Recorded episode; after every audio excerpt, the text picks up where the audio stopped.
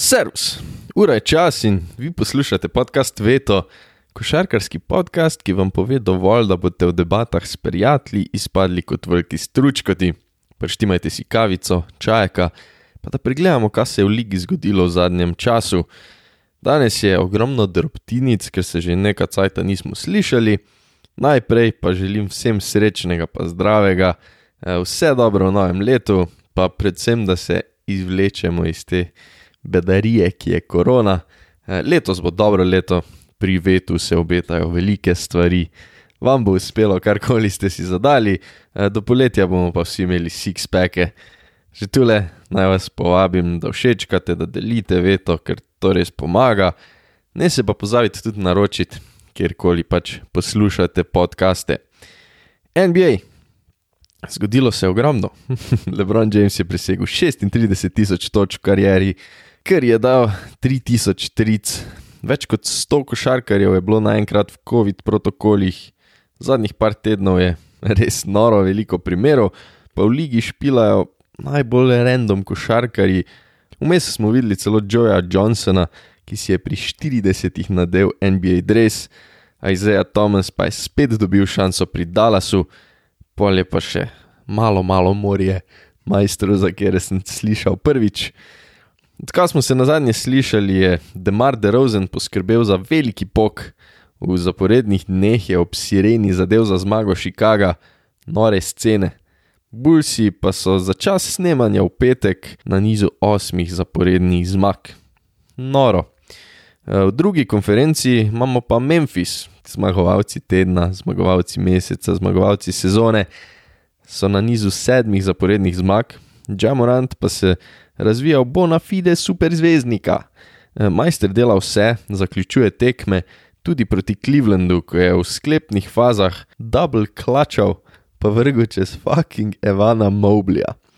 Džaj je en najbolj atraktivnih košarkarjev, ki jih lahko gledamo, letos bo gladko All-Star, čisto možno pa tudi v kateri od NBA ekip. 25 pik, 6 skokov, 7 asistenc, pa 40 odstotkov meče za 3, kar je tista češnjica na tortici, da lahko res rečemo, da je napredoval. Čeprav, seveda, Dža še vedno večino svojega posla opravi v raketi.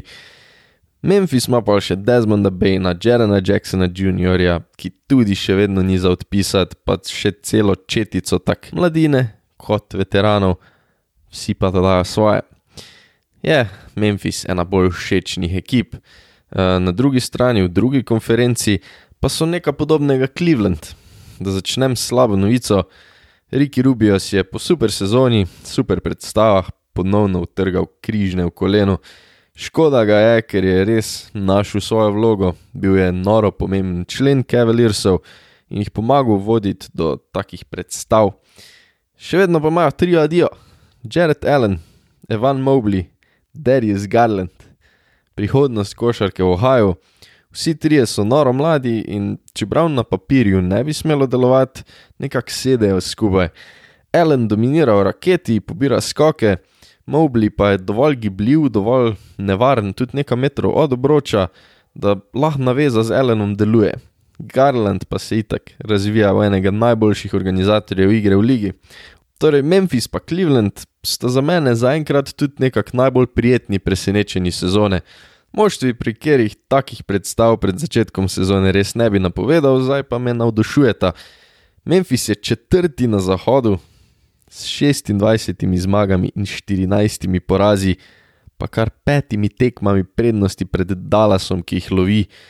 Pričakoval sem, da bodo solidni, pričakoval sem, da bo Memphis v boju za play-in turnir nisem si pa mislil, da bojo dejansko moštvo, ki se bo potegovalo za prva štiri mesta. Noro. Cleveland sicer nima takega razmerja zmag in porazov, trenutno so šesti na vzhodu, so pa verjetno še bolj presenetili, ne? ker sem gladko mislil, da ne bojo niti v play-in turnirju. Garland in Rubio sta orkestrirala napad, Mobliju nisem pripisoval takega vpliva v svoji prvi sezoni, Poleg tega pa sem res pričakoval, da si bo ta z Elenom gladko na poti, hodila po prstih. Memphis in Cleveland, torej aplaus. V novo leto stopata z največjim pozitivnim vtisom. Pa da hitro rečemo, še kdo je razočaral. Na zahodu se sicer ponujajo tudi pelikanci, pa vsem treba reči, da so najbolj brukali v Portlandu. Itak imajo veliko nesreče, McCollum, Mani, Lillard še vedno nosi poškodbo abdomna, sam papa, ki še vedno ne razbijajo. In to je pa zdaj že, se mi zdi, da prišlo do točke, ko se mi malo že smilijo. Na vzhodu pa sta tudi dva kandidata, ki igrata pod pričakovanji. Tu sem se sicer malo težje odločil, uh, obe ekipi pa sta celo izven play-in turnirja, pa smo jih vsi pričakovali v boju za playoff, ali pa da bojo celo gladko prišli v playoffe. Uh, prva Atlanta je lani šla do vzhodno-konferenčnega finala, zdaj so pa 17-20 v zmagah in porazih. Uh, no, jaz vseeno nisem zbral Hawksov, ker jih je po eni strani COVID pojebal, pa tudi nekako sem že pred sezono napovedoval, da ne bo tako hudo rožnato, kot je bilo lani proti koncu sezone. Tisti, ki pa so me res, res razočarali, pa so Celtics iz Bostona. Trenutno imajo 18 zmag, 21 porazov in so na 11. mestu vzhoda, kljub temu, da imajo potencialno dva All-Starja. Od Jasona Tatuma se je pred leti pričakovalo celo MVP nazive, Zdaj pa ekipe preprosto ne more pripeljati do zmage, čeprav je še vedno dober. Vse je res, da je bil eh, Jalen Brown veliko odsoten, da tudi Tatum ni odigral vseh tekem, ampak pušijo tako da fertik. Če vzamemo sam od božiča dalje. Torej, prav na 25. decembra so igrali proti Milwaukeeju, vodili večino tekme, pa jo pol spustili z rok, pol so fafnili tudi proti Minnesoti, Clippersom zmagali sicer proti Phoenixu in Orlandu, čeprav so za Orlando rabili 50 pik od Browna, zdaj so pa že spet na nizu dveh zaporednih porazov.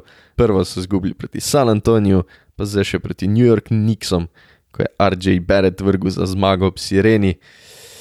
Glede na imena, ki so v ekipi, bi mogli biti hudo, hudo boljši, tu skoraj ni izgovorov.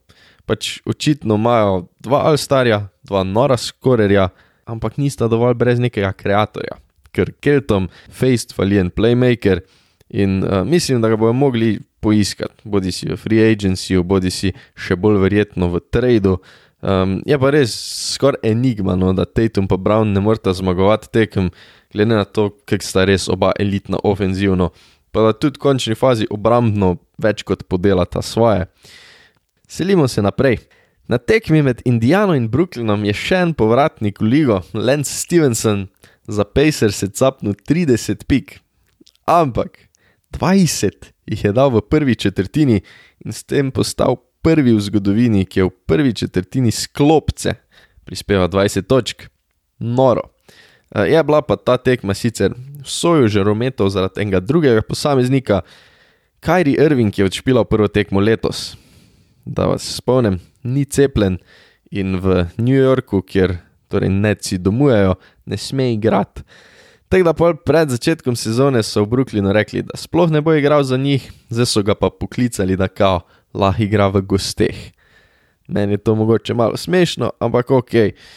Glede na to, da 8 mesecev ni igral v NBA, je igral kar dobro. Začel je sicer tako malo eh, mlačno, videlo se, da je bilo malo nervoze, Končal pa je tekmo z 22 točkami, 10 jih je dal v zadnji četrtini, nekako potisnil svojo ekipo do zmage, pa dokazal, da je še vedno en najbolj klač basketašov na svetu.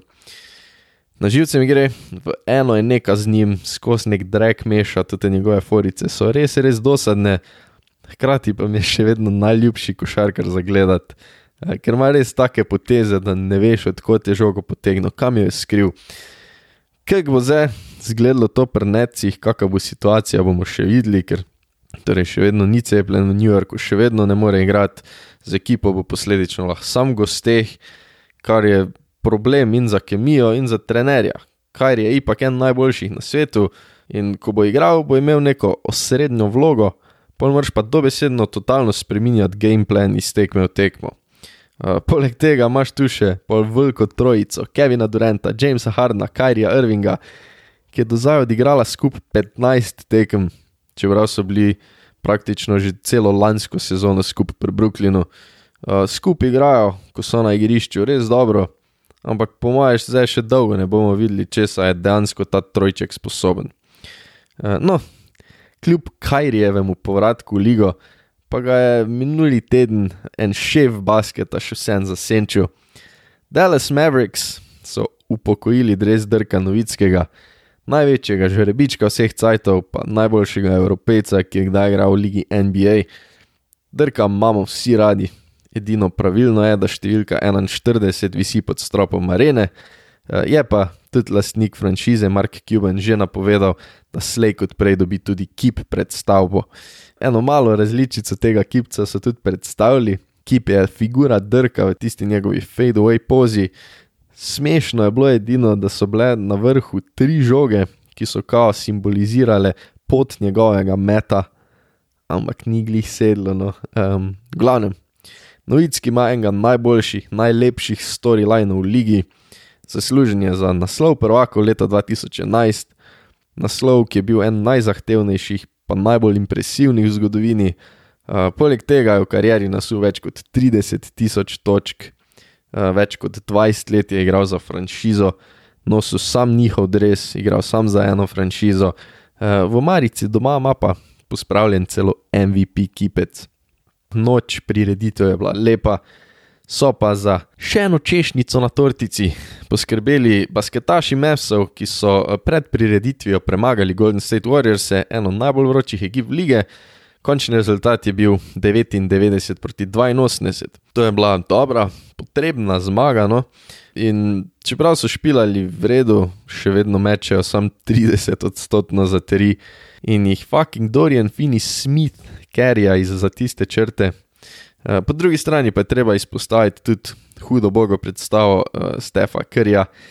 Ni najdel svojega ritma, posledično je cel napad Warriorsov izgledal razglašen. Stef je metal 5-24, kar je 21 odstotno.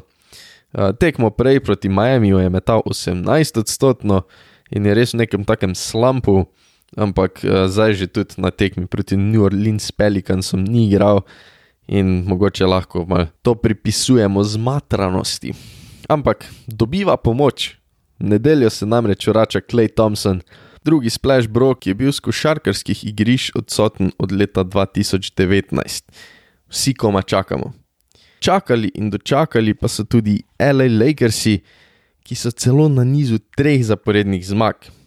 Predvsem si zasluge lahko pobere LeBron James, ki je šel na enega svojih najboljših nizov v zadnjih letih. Pričakoval je, da bo to sezono lahko mal počival, da ga bo ta AD pa Westbrook kerjala, pa jih more žal to besedno lastno ročno furati do zmage.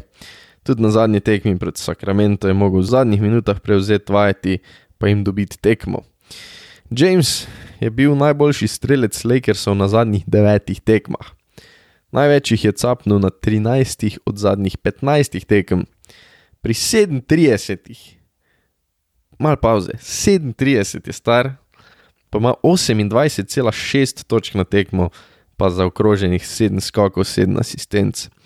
Na zadnjih desetih tekmah ima 33 pik, 10 skokov, 6 asistov, pa še 1,5 blokade, pa 1,5 ukradene žoge.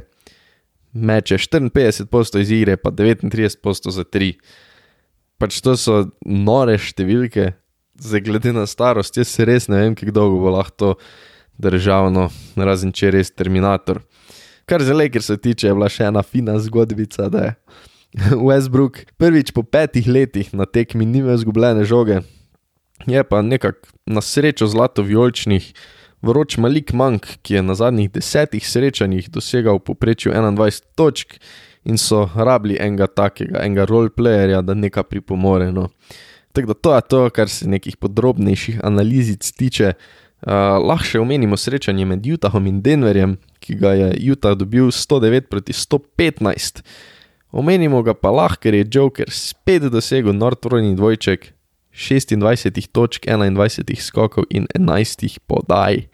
Na drugi strani pa je kar malo nora statistika za Bojana Bogdanoviča, ki jih je nasul 36 ob 13 skokih. Potem je tu še Kelly Ubre Jr., ki je dal proti Detroitu 8 trojk v zadnji četrtini. Veliko pa se je dogajalo tudi v Portlandu, kjer jih je vročica iz Miamija premagala tudi 109-115. Um, Dame, kot že omenjeno, spet manjka zaradi težav z abdomnom, je bilo pa zanimivo predvsem zaradi dveh incidentov. Tyler Hero je nabasal na blok Jusufa Nurkiča, ki ga je zravnal z zemljo. Uh, Meni se ni zdelo, da je bil Nurkič karkoli nepravilno postavljen, ampak Herotov ponos je očitno zapekel in je skrbta potisnil Nurkiča, Nurk pa je pol tako mal ga focno po faci. Glavnem, čist nepotrebna interakcija, oba sta bila izključena. Uh, je bila pa hudo nepotrebna tudi izključitev Kajla Laurija, ki je dobil drugo tehnično zaradi podaje žoge sodniku. Huh? Tekma je bila prekinjena, Kajl je precej normalno žogo podal sodniku, ta je ni ujel, poga je pa poslal pod tuš. Uh, ne štekam, kada fuck, zdaj če je tu kako zadje, ki ga ne poznamo, da sta že prej kaj imela ali pa da je Kajl kaj rekel sodniku, pa pardon, ampak nekako se zdi, da je spet tista neka čisto brezvezna muha. Uh, sodniku ni bilo všeč, da je štorast, tako ni ujel žoge in se je odločil, da mu je Lauri kao grdo vrgu. V glavnem, uh, nepotrebno, tako pusi move. Ja, to je to za danes. Hvala vsem, ki ste si vzeli cajt. Še enkrat, če vam je všeč, če radi poslušate, bom noro, noro vesel, če se naročite na podcast, ga delite. Ali pa še boljš od srca priporočite kakim prijateljem, ker to pomeni največ. Vesel bom tudi valjda, vseh komentarjev, vseh debat, dobite me lahko na Facebook strani podcasta, na Instagramu. Zadnje cajte pa se trudim tudi nekaj tvitati, no, sem štart perajt tudi tam. Pričakujte mogoče malo več pisnih prispevkov na spletni strani podcast veto podcastveto.com, link imate v opisu epizode. Bom pa uh, spada predlepil tudi link do zadnjih dveh člankov, en je o Chicago Bullsih, v drugem sestavljam lestvico najboljših mladeničev, najboljših mladih košarkarjev lige NBA. Se slišimo k malu, mogoče celo v ponedeljek. Wink, wink. Do naslednjega tedna pa bodite fajn.